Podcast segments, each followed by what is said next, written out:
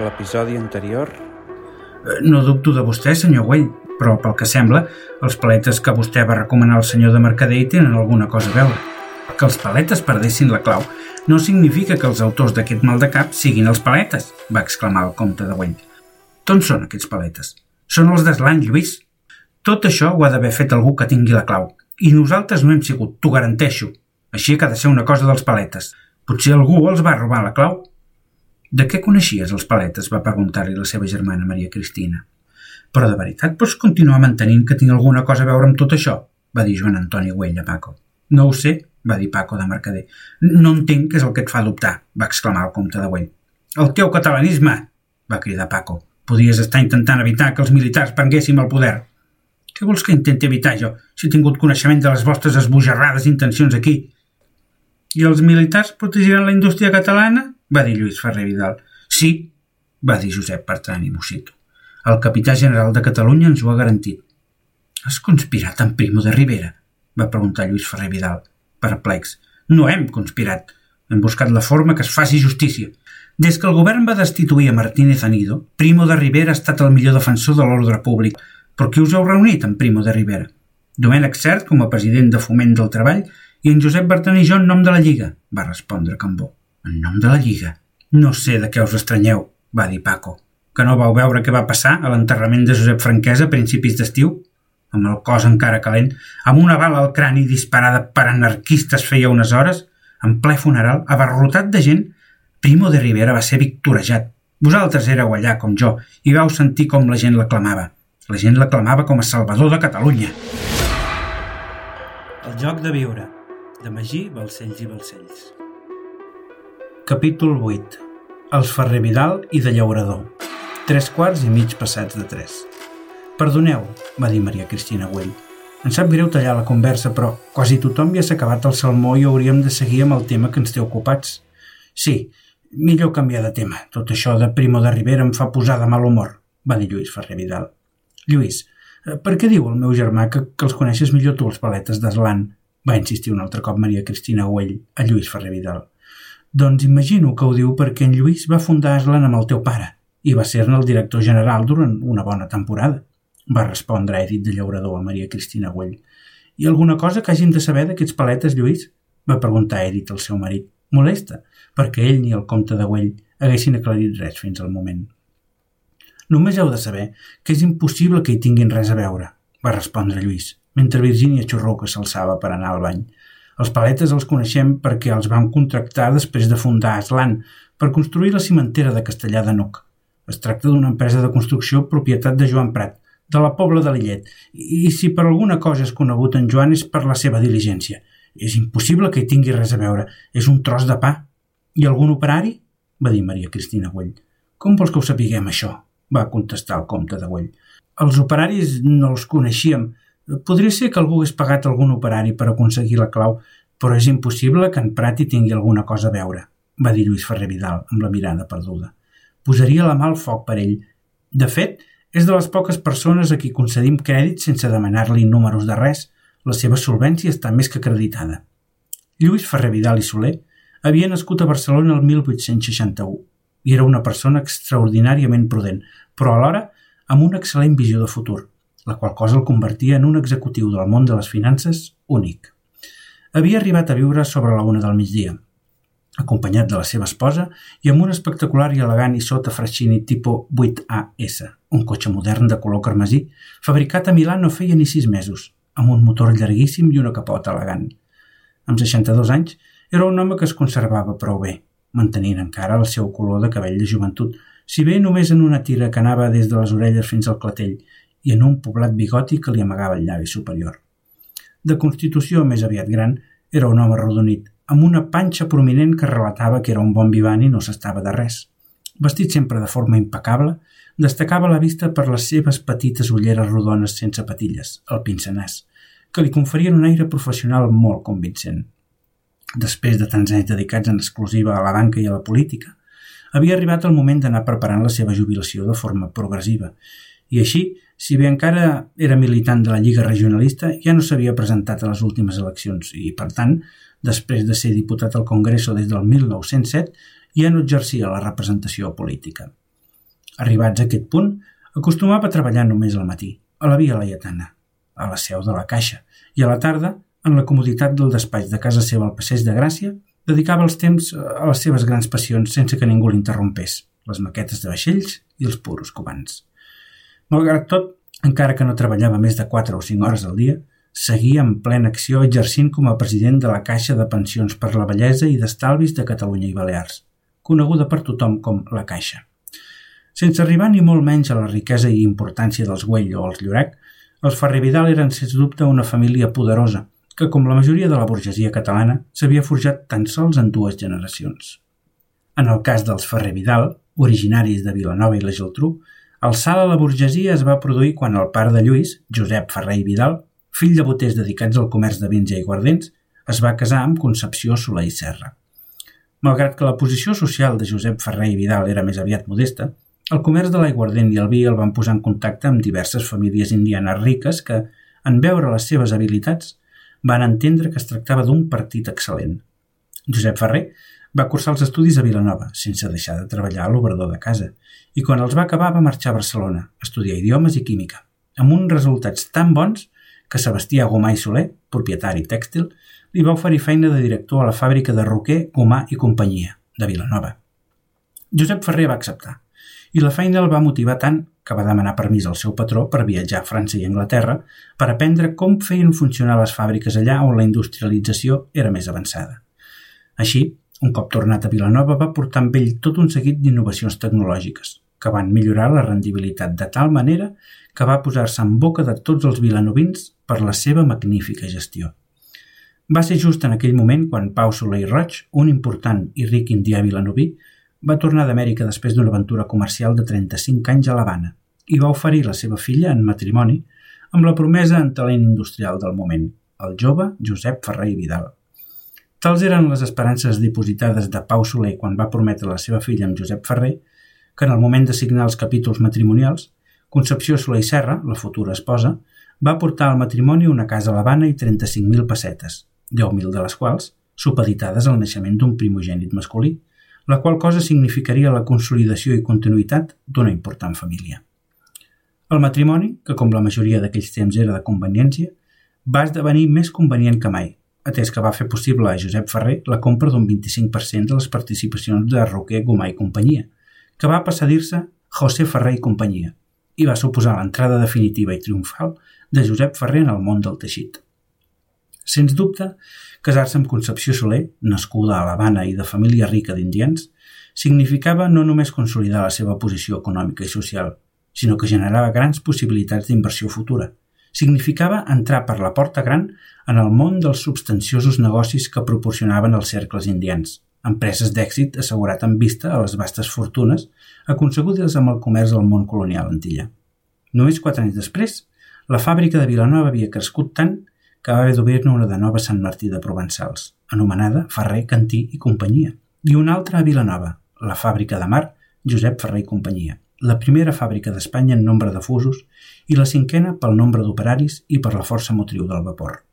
Els seus èxits empresarials el van portar a convertir-se en president de la Societat de Crèdit Mercantil i de l'asseguradora La Previsión, moment a partir del qual la família va abandonar Vilanova i es va traslladar a viure al Passeig de Gràcia de Barcelona, el 1857.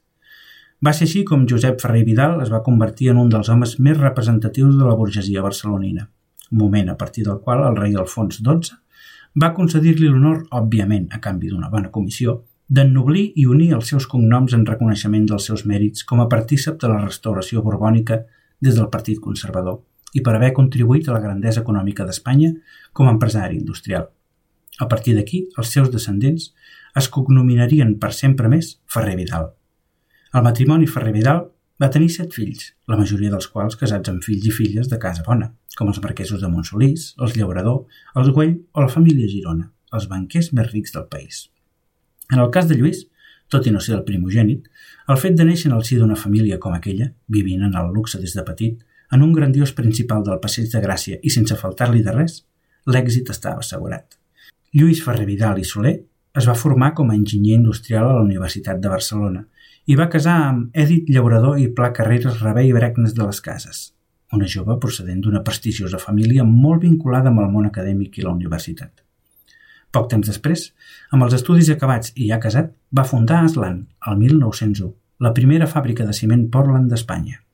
La cimentera, fundada conjuntament amb el seu amic i cunyat del seu germà, Eusebi Güell i Bacigalupi, va ser el trampolí que el va catapultar com a home de negocis amb molt d'èxit, ja que Lluís Ferrer Vidal va ser-ne el primer gerent i director general, fet que li va comportar aconseguir la presidència del Foment del Treball Nacional.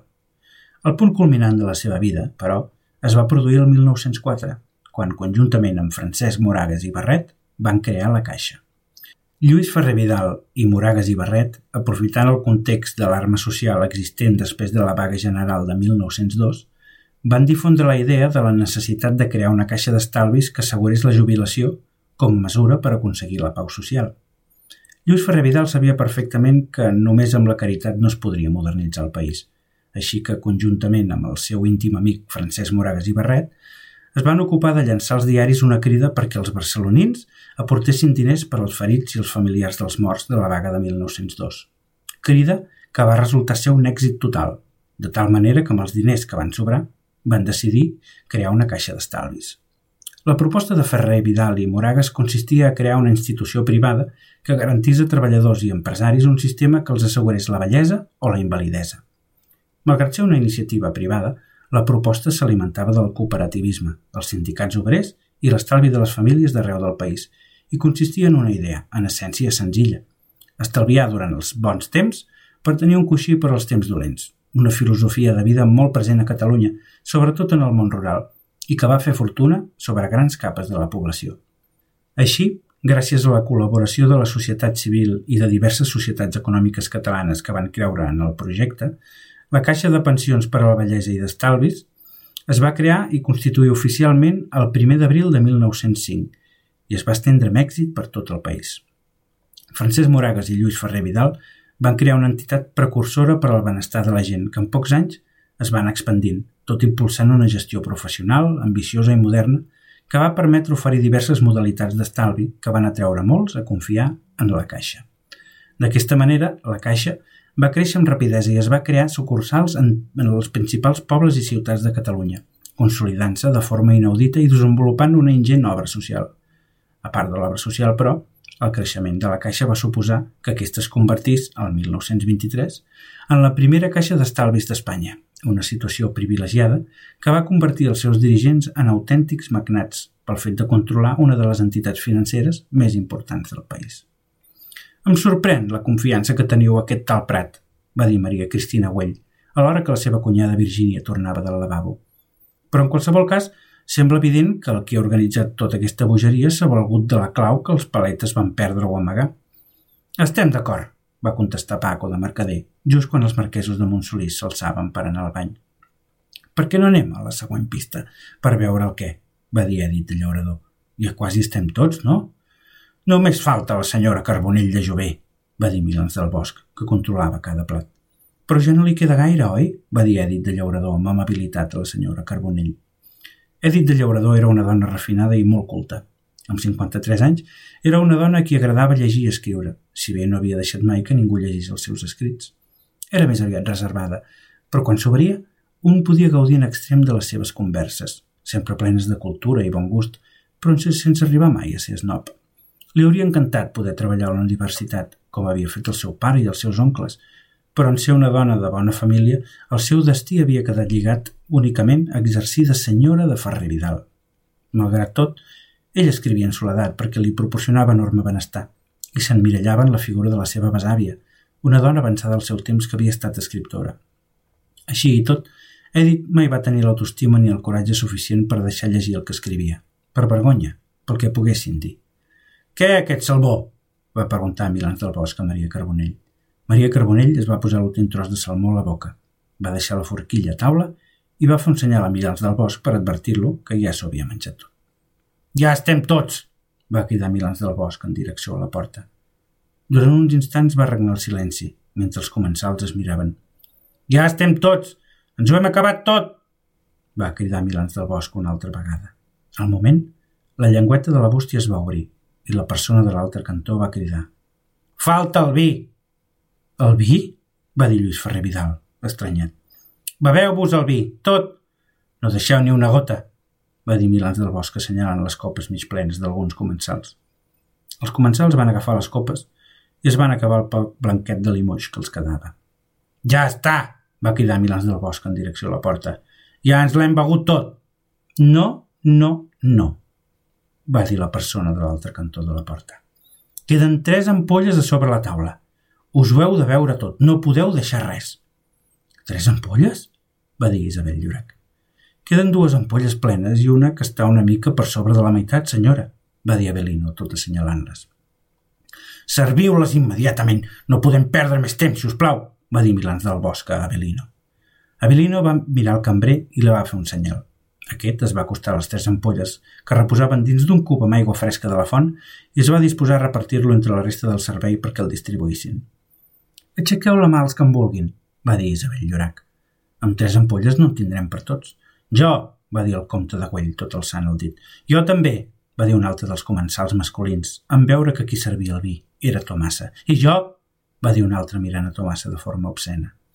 Els cambrers van arribar a omplir el cul de setze copes, totes elles d'homes, i quan van ser totes plenes, Lluís Ferrer Vidal, tot alçant la copa, va dir «Salut, senyors! Brindem perquè surti tot bé». «Et refereixes a Primo de Rivera?» va preguntar Paco. «No», va contestar Lluís, «em refereixo a sortir sants i estalvis d'aquest castell». Els homes van alçar la copa i se la van veure d'un glop. Un cop asseguts, una altra vegada, tothom va girar el cap en direcció a la porta de forma instintiva, esperant obtenir la pista següent – quan de sobte van sentir que la persona de l'altre cantó deia «Queden sis ampolles més». «Com?»